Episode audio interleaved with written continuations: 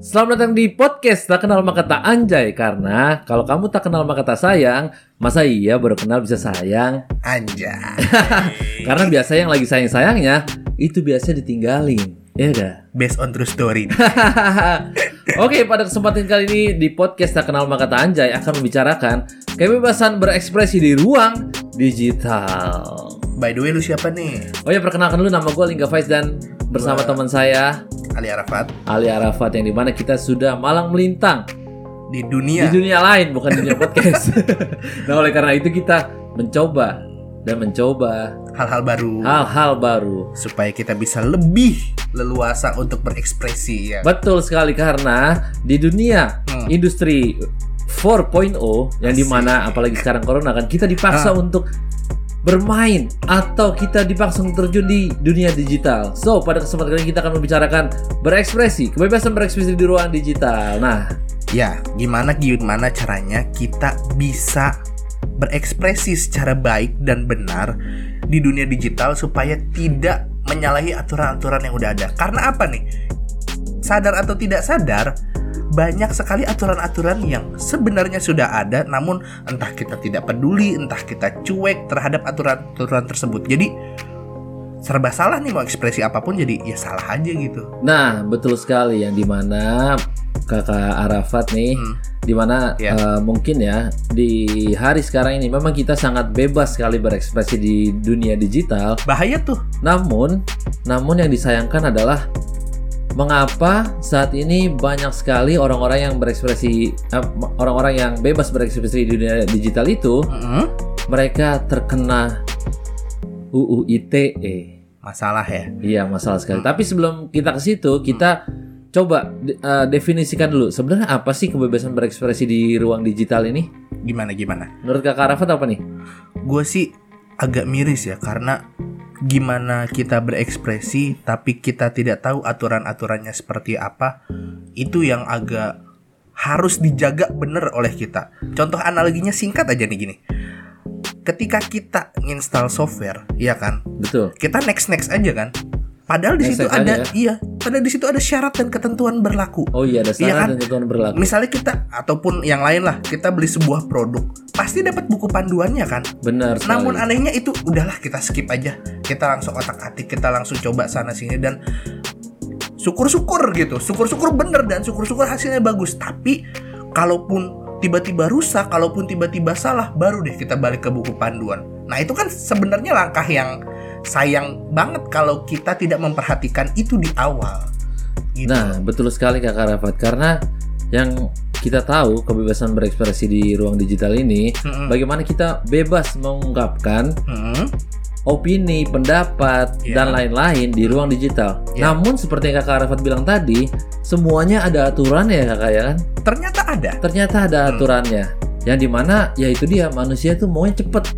Cepet. Yang penting cepet beres. Yang penting Heeh. ah gue pengen udah cepetan aja deh kayak kita beli kipas angin ya. Mm. Udah deh main pasang-pasang aja yang penting bener. Iya, Eh tahu-tahu bukan jadi kipas angin, malah jadi Rocket Iron Man.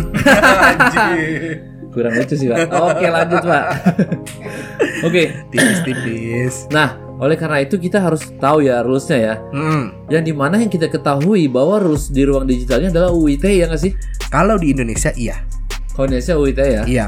Hmm. Nah kalau padahal yang saya tahu UIT itu bukan untuk aturan dunia digital. Tet- eh, sorry, UIT itu di Terbentuk awalnya. terbentuk awalnya Hmm. untuk menindak orang-orang yang bermasalah di bisnis online. Oh, seperti itu ya. Seperti itu kakak. Oh. Jadi, kenapa pada saat ini banyak sekali orang yang terpenjarakan, Hmm. terpenjarakan oleh UIT ini Hmm. dikarenakan oleh masalah-masalah politik. Masalah-masalah orang-orang yang tidak senang dengan opini-opini yang sebenarnya biasa aja sih. Ya nggak sih? penghinaan, sakit Penghinaan hati. sakit hati. Hmm. Ada orang yang disakitin, eh mengenakan UIT, padahal padahal mah yang nggak ada hubungannya sakit hati harusnya pindah ke lain hati dong.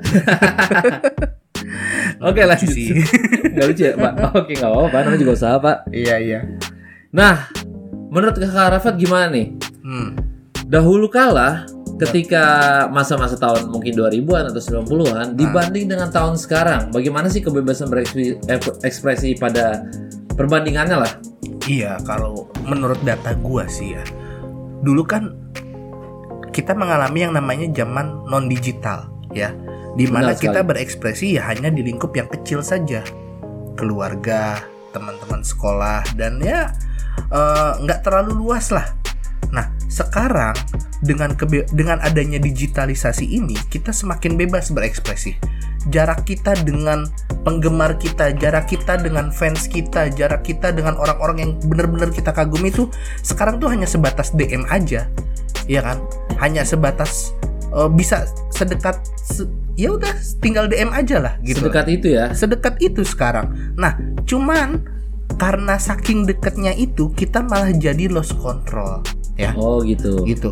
Dan bedanya dengan zaman dulu kita di zaman digital eh, eh, dengan zaman digital sekarang ya jelas beda lah gitu kan. Kalau zaman dulu sayangnya eh, data yang saya tahu sekalinya kita pengen berekspresi bebas, sekalinya kita pengen menyalurkan aspirasi pendapat, itu yang saya tahu sih konon katanya bisa hilang, Bisa hilang. bisa hilang. Dicuri siapa itu pak? Iya dalam arti kata lain itu bisa nggak tahu lah ke mana gitu lah. Oh Kita- karena pada zaman dulu itu Hmm. pemerintahnya adalah sistemnya otoriter mungkin ya. Iya. dan- Setelah ke demokrasi, Ah, ah. mungkin kita lebih bebas lagi. Iya dan saya pendapat. juga nggak nyebut juga itu mungkin di Indonesia ya bisa juga di negara lain gitu ya. Saya nggak nyebut di Indonesia gitu. Tapi kok sekarang setelah era demokrasi, eh, setelah era otoriter, Hmm. kita ke demokrasi yang lebih bebas. Tapi kenapa kita se- sekarang semakin sempit lagi nih ruang berekspresi kita? Dibuktikan dengan beberapa kasus yang memang mereka mengungkapkan pendapat, tapi malah ditangkap oleh lawan-lawan politiknya. Saya kurang update nih Bang Lingga nih. Coba kayak gimana sih case yang kayak gimana sih? Contohnya, Hmm, hmm. contohnya, aduh, saya takut ditangkap ini pak. tapi nggak apa-apa lah pak ya, nama Nah, juga ya kan saya ini, pak. ini kan contoh di mana contoh ini harus kita jadikan sebuah bahan pikir supaya kita tidak mengu, apa ya melakukan hal yang sama. Ini ini harus jadi bahan pembelajaran untuk kita semua contoh ini. Contohnya adalah Menurut opini Bang Lingga deh gimana? kita kasih contoh dengan kasusnya Ahmad Dhani atau kasusnya Jering. Iya. Yang di mana kasus-kasus ini ketika kita perbandingkan dengan di eranya sebelumnya itu pasti tidak ditangkap Di atau bisa iya Hmm. bisa diselesaikan dengan secara keluargaan. Tetapi mengapa pada saat ini sangat mudah sekali untuk orang ditangkap karena mungkin salah mengungkapkan opini, Hmm. mungkin salah mereka berpendapat. Iya. Sebenarnya mengapa harus dipenjarakan gitu kan? Iya. Paling nggak minimal ya diselesaikan secara kekeluargaan aja gitu. Hmm. Seperti itu Bapak.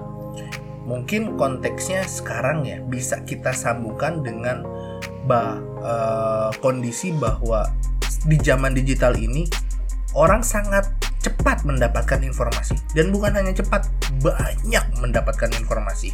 Sehingga penggiringan opini, penggiringan data sehingga terbentuknya pola pikir itu jadi lebih apa ya lebih mudah dan lebih cepat. Nah ini yang saya rasa itu harus ada punishmentnya ya menurut eh, pemerintah. Ini harus ada UU ITE nih makanya dibuat batasan-batasan tertentu sampai titik-titik tertentu bahwa ini sudah harus dicari faktanya sudah harus dicari kesalahannya sehingga memberikan punishment terhadap orang-orang yang memberikan opini-opini berlebihan ataupun pendapat-pendapat ataupun gerakan-gerakan dan lain-lain sebagainya lah yang berhubungan dengan dunia digital dalam kebebasan berekspresi. Iya, jadi memang kita uh, belajar dari kasus-kasus tersebut. Iya. Memang hari ini walaupun kita bisa berekspresi Iya. di ruang digital secara bebas, namun kita harus mematuhi aturan-aturannya. Yuk. Uh, aturannya mungkin ya itu tidak keluar atau tidak menyinggung hal-hal yang sara. Sarah. Betul nggak sih Pak? Itu orang tuh. Hah? Itu orang. Oh Sarah. Ah. Sarah itu lagunya Peter Pan sih. Oh. Sarah Amelia. Nggak ada yang tahu ya. Udah, lanjut. nah, oleh karena itu, sebagai kaum milenial, ya. kita harus pintar-pintar dalam mengu- mengungkapkan opini dan pendapat di ruang digital ini. Hati-hati juga ya. Sangat hati-hati Hmm. karena kita nggak tahu ke depannya.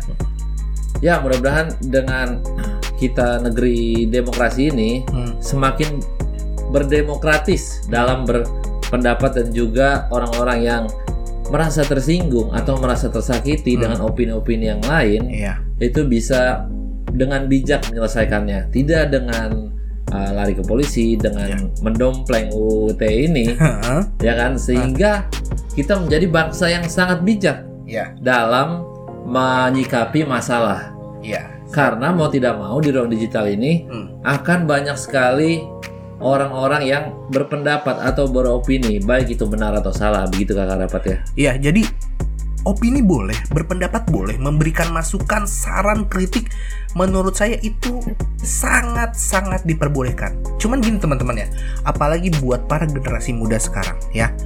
Saya tahu energi Anda banyak. Saya tahu pola pikir Anda sedang bertumbuh. Tapi tolong, tolong jempol Anda itu harus diperhatikan benar-benar ya. Ketika Anda mengetik, ketika Anda memberikan komentar, tolong gunakan pikir sadar Anda supaya berhati-hati. Gini deh.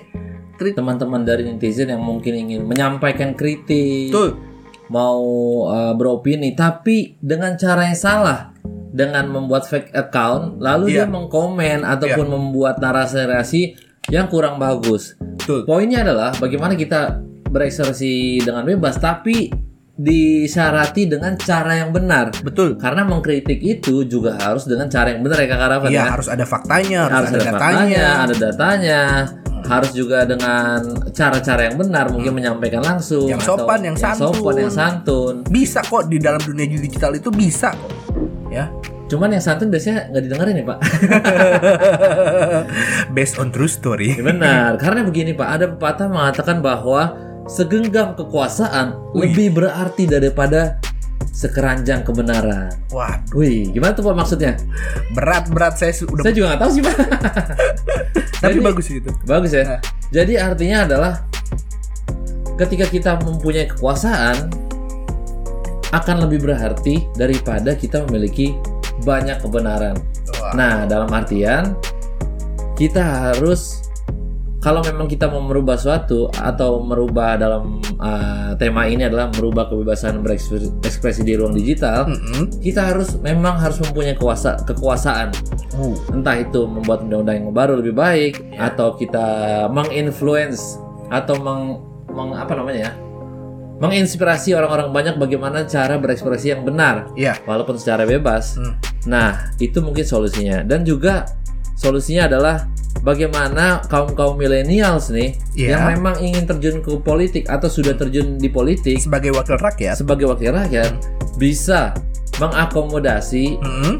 pendapat-pendapat yang memang uh, bagaimana kebebasan ber- di kebebasan Berekspresi di ruang digital ini diatur secara baik dan benar tentunya juga Ya. secara bagus ya kakak rapat ya. Iya. Ini numpung dalam proses kan ini ya. Semoga Benar. aja hasilnya maksimal. Jangan sampai negara kita uh, semakin sempit be- Hmm. berekspresi di ruang digital. Nanti bisa-bisa kita menjadi negara seperti Korea Utara. Korea Tenggara kita. Korea Utara yang sangat berbahaya itu. Nah. salah potongan rambut aja bisa dibunuh. Apalagi salah berpendapat ya nggak? nah, iya. Nah oleh karena itu pesan kita untuk generasi muda yang ingin merubah regulasi-regulasi atau sudah berada di dunia politik, Hmm? marilah kita uh, membuat undang-undang baru mungkin Iya. dan juga bagaimana bisa Ataupun bijak merevisi yang sudah ada merevisi yang dengan sudah ada. maksimal. Betul sekali. Oke kali nggak ya? Kira-kira uh, itu saja bisa yang kita diskusikan kali ya. Ya benar sekali. Dan juga terakhir pesan kita untuk teman-teman milenials Hmm? atau siapa pun yang ingin berekspresi di ruang digital Hmm? wajib memikirkan lagi kira-kira pendapat atau opini yang gue sampaikan ini Hmm. bisa berdampak baik atau malah bisa menjadi bumerang untuk kita. Wow. Iya bumerang kan balik lagi malah mencelakai kita diri kita sendiri.